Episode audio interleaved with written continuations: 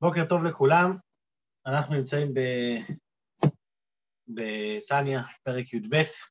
שעה טובה ומוצלחת, מגיעים למטרה שלשמה נולד הספר הזה, שנקרא ספר של בינונים, שמטרתו זה להסביר מה זה בינוני ואיך כל אחד יכול להיות בינוני, כדי לקיים את מה שנאמר בפסוק, כי קרוב אליך הדבר מאוד, בפיך ובלבבך לעשותו. זאת אומרת שכל אחד יכול בכל רגע להגיע למצב שקרוב אליו ענייני תורה ומצוות, לעשות את זה בצורה הכי מושלמת, גם בפה, גם בלב וגם בעשייה. אז אה, אחרי ההקדמה שהקדמנו על מבנה הנפשות, ואחרי שהבנו את המלחמה והמאבק התמידי שקורה ביניהם כל רגע ורגע, נפש אלוקית מול נפש בעמית, אין שם הסכם שלום, זה תמיד הסכסוך האלוקי בעמי שקורה כל הזמן. ואז הבנו מה, מי המנצח, המנצח זה אחד כזה שאין לו בכלל נפש בעמית, המפסיד זה אחד שיש לו נפש אלוקית, אבל היא אומנם, אה, היא אומנם שם, אבל בהיעלם היא כפופה ובטלה כלפי הרע שבנפשו. השאלה רק עד כמה. היום אנחנו מגיעים לבינוני, הדמות של ספר התניא, הבינוני, ההוא שחצי חצי, ההוא שעומד באמצע, בין הצדיק לבין הרשע, ואנחנו צריכים בעצם להבין איפה נמצא בדיוק האמצע בין צדיק לבין רשע, כמו שהסברנו גם בשיעורים הקודמים, צדיק ורשע, לא הכוונה עכשיו אם אתה צודק או לא צודק, כי לא מדברים פה עכשיו אה, לתת ציונים לבן אדם, אלא מדברים על המהות, מי אתה בפנים. יש מהות של צדיק, מהות של רשע, והיום נלמד, נתחיל ללמוד על המהות של הבינוני. אה, אז אנחנו ניכנס, בואו רק נגיד את זה, אולי נתחיל בהקדמה, במילה אחת קטנה, ואז נוכל להיכנס לעניין. איפה באמת נמצא האמצע בין צדיק לבין רשע? הצדיק זיכך את כל הנפש שלו. אין לו נפש בעמית, יש לו רק רצון לטוב. הרשע, אמרנו, זה אחד כזה שהפסיד במלחמה, הוא לא מצליח לשמור על עצמו. אבל אם אתם זוכרים, באחד השיעורים הראשונים דיברנו על כך שאיפה שטח המלחמה, על מה אנחנו נלחמים? שטח המלחמה הוא על לבושי הנפש. כפי שאמרנו בפרקים הראשונים, יש את כוחות הנפש, שזה מה הנפש עצמה, מה היא רוצה, מה היא שואפת, ויש את הלבושים של הנפש, מחשבה, דיבור ומעשה. לבושי הנפש הם דרכי הביטוי של הנפש, איך היא מתבטאת. אה, זאת אומרת, הפן המעשי, לא מה הנפש עצמה, אלא מה אני עושה, או, או מה אני חושב, או מה אני מדבר, אבל זה לא מי אני. ועל החלק הזה, שם נמצאת המלחמה. בגלל ששם בן אדם לא יכול לחשוב גם מחשבה חיובית וגם מחשבה שלילית, אז או שאתה במחשבה טובה, או שאתה במחשבה שבצד האחר. בגלל שהשטח הזה של המלחמה הוא שטח מאוד מאוד אה, חזק, אז אה, זה, שם אנחנו נמדדים בעיקר. אבל הצדיק זה אחד כזה שלא רק שם הוא נמדד, כי מי בעצם נלחם על השטח הזה, מחשבה, דיבור ומעשה? הנפשות.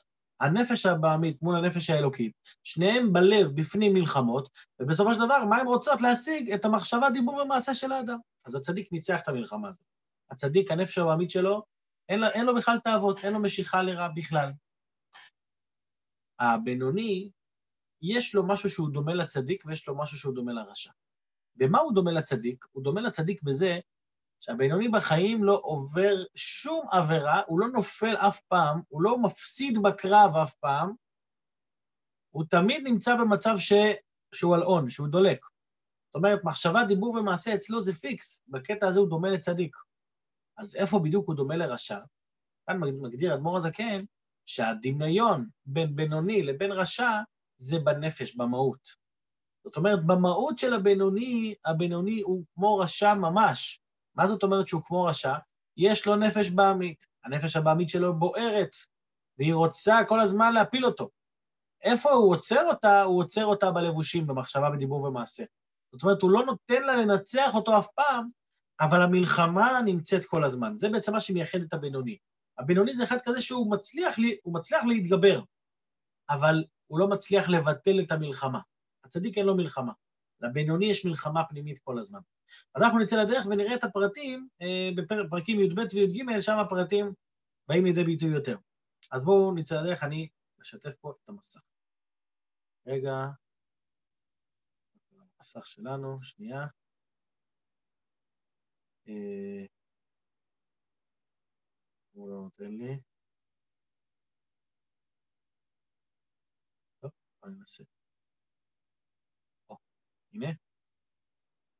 מעולה. אז אנחנו בפרק י"ב, הבינוני. והבינוני הוא שלעולם אין הרע גובר כל כך לכבוש את העיר קטנה. הרע שבנפשו או בנפש הבעמית לא מצליח להתגבר, לכבוש את העיר הקטנה, שזה הגוף, להתלבש בגוף, להחטיאו. דהיינו, מפרט אדמו"ר הזקן, ששלושת לבושי נפש הבעמית, שהם מחשבה, דיבור ומעשה, איזה מחשבה, דיבור, מעשה, מחשבה, דיבור, מעשה שמצד הקליפה, שלושה, שלושת הלבושים הללו, אין גוברים בו על נפש האלוקית להתלבש בגוף, במוח ובפה, ובשאר החברים, להחטיאם ולטעמם חס ושלום. הוא לא מצליח, הנפש הבעמית לא מצליחה אף פעם להתלבש בגוף. רק מי כן מצליח? רק שלושה לבושי נפש האלוקית, הם לבדם מתלבשים בגוף. שהם, גם פה הוא מפרט, מחשבה, מחשבה, דיבור ומעשה של תרי"ג מצוות התורה. והבינוני, במהות הפנימית שלו, הוא אחד כזה שנלחם כל הזמן, אבל במהות החיצונית, במה, איך הוא נראה בפועל, ולא עבר עבירה מימיו, ולא יעבור לעולם. ולא נקרא עליו שם רשע אפילו שעה אחת ורגע אחד כל ימיו. שימו לב, מה זה הבינוני? זה לכאורה נראה פה דרגה בלתי מושגת בכלל, שמה מדובר פה?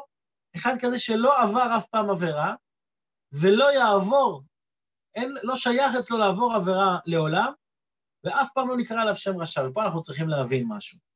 צריך להבין את המשפט הזה. מה זאת אומרת שבינוני לא עבר ולא יעבור עבירה מעולם? הרי לכאורה, בינוני אמרנו שזה בן אדם שנלחם, נלחם, אז, אז מה, אם, אני, אם יום אחד נפלתי, חס ושלום, בן אדם נופל, עכשיו הוא עושה תשובה, והוא חרד, והוא נכנס חזרה, והוא סיים להיות רשע, עכשיו הוא לא עובר יותר. הוא לא יכול להיות בינוני? בגלל שאי פעם עברתי עבירה? הרבי מסביר פה את המשפט הזה, את השורה הזאת, בצורה מאוד מאוד, אה, מאוד נפלאה. הוא אומר כזה דבר, שזה גם משתלב ממה שדיברנו בשיעור הקודם. בינוני, רשע וצדיק זה מצב נפשי. זה איפה, הבן, איפה אתה נמצא, איפה אתה. אם אתה מונח, יכול להיות שאתה כל, היום עושה דברים טובים, אבל בפועל אתה מונח ב...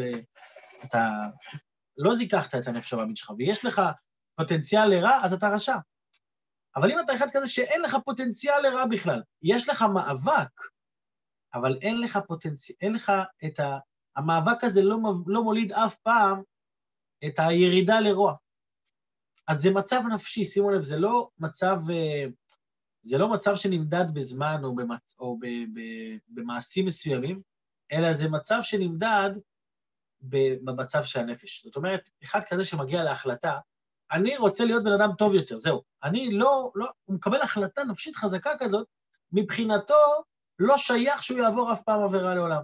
לא רק שלא שייך, אלא מבחינת המצב הנפשי שלו, הוא גם במצב נפשי כזה שלא עבר עבירה מימיו.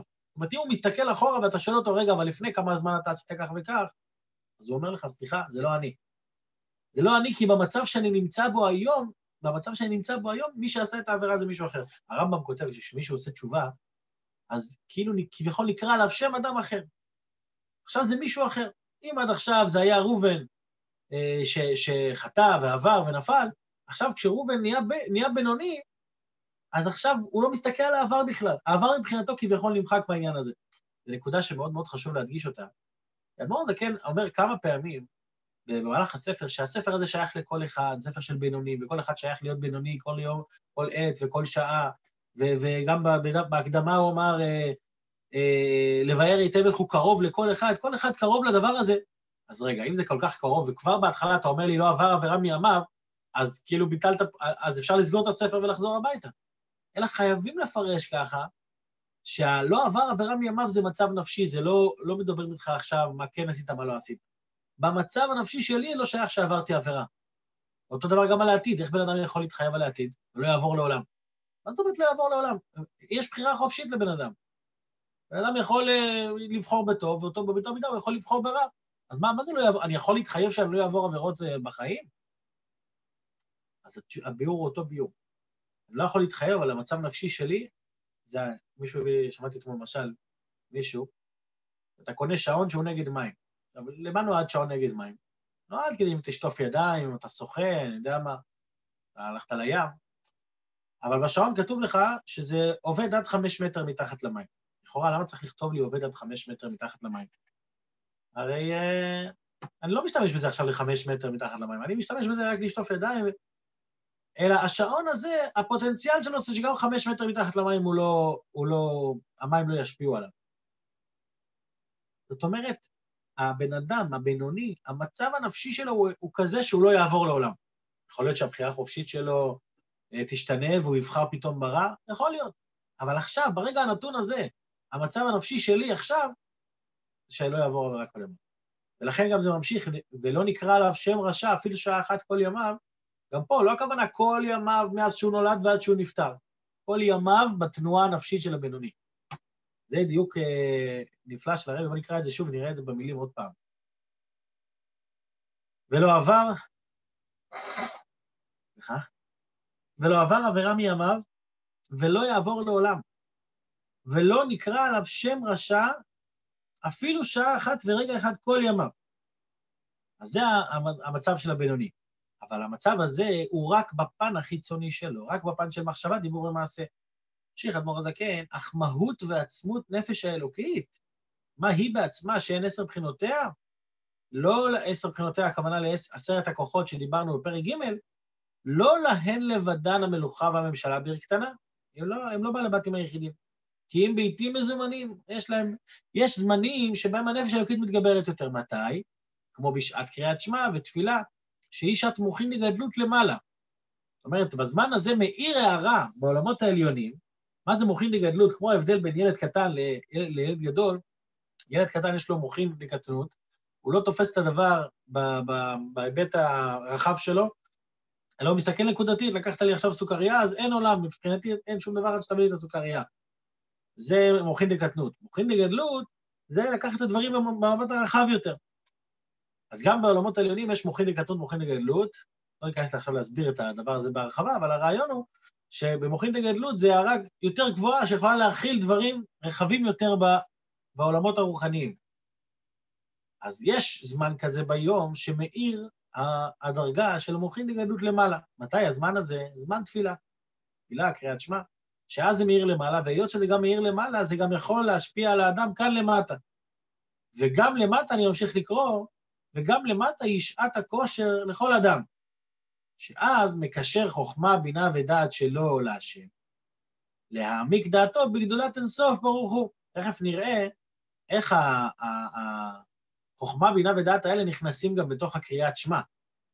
זאת אומרת, בקריאת שמע עצמו, שזה שעת הכושר של מוחין דגדלות, מתבטא העמקת הדעת באין סוף ברוך הוא, באורות העליונים.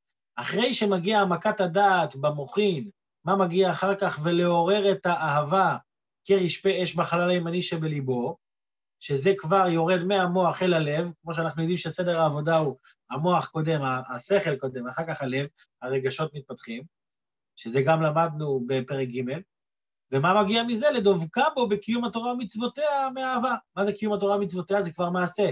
זה לא רק מחשבה, מוח, אלא זה גם אהבה, לב, וגם מעשה. זה בדיוק הסדר בכוחות, השכל, רגש ועשייה. שזהו עניין המבואר בקריאת שמע. הדבר הזה של חיבור של מוחין, מידות ומעשה, באים בבני ביטוי בקריאת שמע. איפה רואים את זה? איפה רואים שזה בא לידי ביטוי בקריאת שמע? שבן אדם מתבונן, שמע ישראל, השם אלוקינו, השם אחד. אז ההתבוננות של אחדות השם שבאה בפסוק הזה, זו התבוננות של שייכת לשכל. כאן הוא לא מרחיב יותר מדי על ההתבוננות, אבל בהמשך, בפרקים המאוחרים יותר בתניא, מ"ב, מ"ג, מ"ד, אחרי גם, יותר מאוחר, שם הוא מרחיב באמת מה מתבוננים ואיך מתבוננים, אבל פה הוא מדבר על עצם זה שיש לך להתבונן בקריאת שמע, זה המחשבה. אחר כך, אחר כך זה מגיע ל... ואהבת את השם אלוקיך בכל לבבך. אחרי ההתבוננות בקריאת שמע מגיע גם האהבה להשם, שזה, שזה אחר כך מביא לעשייה. אם שמעו תשמעו אל מצוותיי, אשר אנוכי מצווה אתכם היום. זאת אומרת, בן אדם צריך לשמוע גם ולבצע בפועל. שלושת הדברים האלה באים לידי ביטוי בקריאת שמע, למה? כי זה שעת הכושר של מוחין דגדלות למעלה. שזהו עניין המבואר בקריאת שמע דאורייתא, וברכותיה, אז זה הקריאת שמע היא מהתורה, אחר כך יש לנו דברים שהם מדרבנן, שזה ברכותיה, ברכות קריאת שמע, לפני, לפני קריאת שמע, אחרי קריאת שמע, שלפניה ולאחריה, שהן מדרבנן. למה הן מדרבנן? כי הן הכנה לקיום הקריאת שמע. חכמים שמו לך את הברכות שלפני, למה הם שמו את זה? כדי שיהיה לך במה להתבונן. אם מתבוננים בברכות קריאת שמע שלפני ואחרי, אז, אז זה מוביל אותך, ההתבוננות מובילה אותך לרמת ההתבוננות הגבוהה שתגיע בקריאת שמע, כמו שכתוב במקום אחר. ואז מה קורה? אחרי שאתה מפעיל את העוצמות הגדולות האלה, מי, מי זה אתה, הבינוני הזה? הוא מפעיל את העוצמות האלה בקריאת שמע בזמן התפילה, הרע, ואז מה קורה? הרע שבחלל השמאלי כפוף ובטל הטוב המתפשט בחלל הימני. מחב"ד שבמוח המקושרים בגדולת אינסוף ברוך הוא. זאת אומרת, הרמה של הדבקות שלי היא כל כך חזקה באותו זמן, שאז אני, בהמשך הוא גם מרחיב את זה יותר, הבינוני בשעת התפילה הוא כמעט כמו צדיק. ממש כמעט. למה? כי בשעת התפילה, בגלל שזה שעת הכושר, גם למעלה, וגם אם הוא עשה את העבודה שלו כמו שצריך למטה, אז היצר הרע פחות, פחות אה, יש לו מילה שם. זאת אומרת, לא רק שהוא מנצח את השטח החיצוני של מחשבת דיבור ומעשה, אלא אפילו בכוחות, הנפש הבעמית כבר אה, הלכה לישון, מה שנקרא. הלכה לי, למה? כי היא יודעת שזה זמן תפילה, אין לה עכשיו, אה, אין לה עכשיו אה, say, אין לה אמירה עכשיו, זהו. ברור שזה דרגה. בוא נגיד ככה, נתחיל מזה שמחשבת דיבור ומעשה יהיה פיקס. אחר כך, בשעת התפילה גם יהיה, יהיה אה, ממש כמו צדיק, שנפש בעמית ישנה. אבל הוא מביא את זה כאן כדי להראות לך שבאמת הדבר הזה, להיות בתנועה של, של ניצחון, זה דבר שמשפיע גם על המהות של הנפש, לא רק, זה לא רק בחיצוניות. לכן גם במהות יש רגע, רגעי כושר שבהם הבינוני הוא כמעט כמו צדיק. אבל מה הבעיה בבינוני? זה לא, זה לא מושלם, אבל אחר התפילה, אחרי שנגמרת ההתעוררות הזאת בהסתלקות המוחין דגדלות, אין סוף ברוך הוא, אז מה קורה עם הבינוני שלנו, המסכן?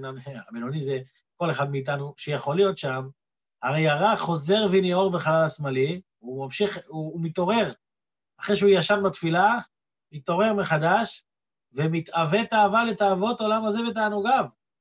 זאת אומרת שהבינוני, אין לו מנוחה. אולי בתפילה קצת הנפש הבהמית הלכה לישון, אבל היא שם בכל התוקף, ומיד אחרי התפילה היא מתעוררת, והיא נלחמת איתו, והיא מעלה לו הרהורים לא טובים, והיא נותנת לו, היא נותנת fight. אבל הבינוני, הבינוני נלחם כל הזמן. הוא לא מתייאש מהמלחמה, הוא לא אומר, עזוב, תהיה לנו, אני מי שאני וזהו. לא, הוא נלחם, נלחם, נלחם, ולא נותן לנפש הבהמית הזאת נתינת מקום בכלל להתפתח. אז עד כאן זה באמת השיעור של היום. מה למדנו היום? למדנו היום שבינוני זה מהות. זה מהות של אחד כזה שמבחינתו אין לו שום פוטנציאל, וכי מבחינתו גם לא היה פוטנציאל, ל... לעשות שום עבירה. בשלושת הלבושים, לא מחשבה רעה אחת, אף פעם, לא דיבור רע, לא מעשה רע, אבל הפנימיות שלו נשארה כמו רשע. הפנימיות שלו היא, היא, היא בוערת, יש לו לב חזק, לב בוער, עם נפש בעמית בוערת, כמו כל אחד מאיתנו, והוא נלחם כל הזמן. בעזרת השם, בהמשך השיעורים, בהמשך הימים, אנחנו נראה בדיוק את המלחמה הזאת שמתנהלת בתוך הבינוני, ומתי הוא יכול להתגבר, ומה הסוד להגיע לכל דבר ודבר, ואחרי שנבין גם את המהות שלו, נוכל גם, אדמו"ר הזקן יוכל להתחיל לדבר תכלס. אוקיי, אז איך מגיעים לזה? מה עושים? דרך ארוכה, דרך קצרה, עצות, אני נופל לעצבות, אני לא נופל לעצבות. כל זה ועוד בעזרת השם, בשיעורים הבאים.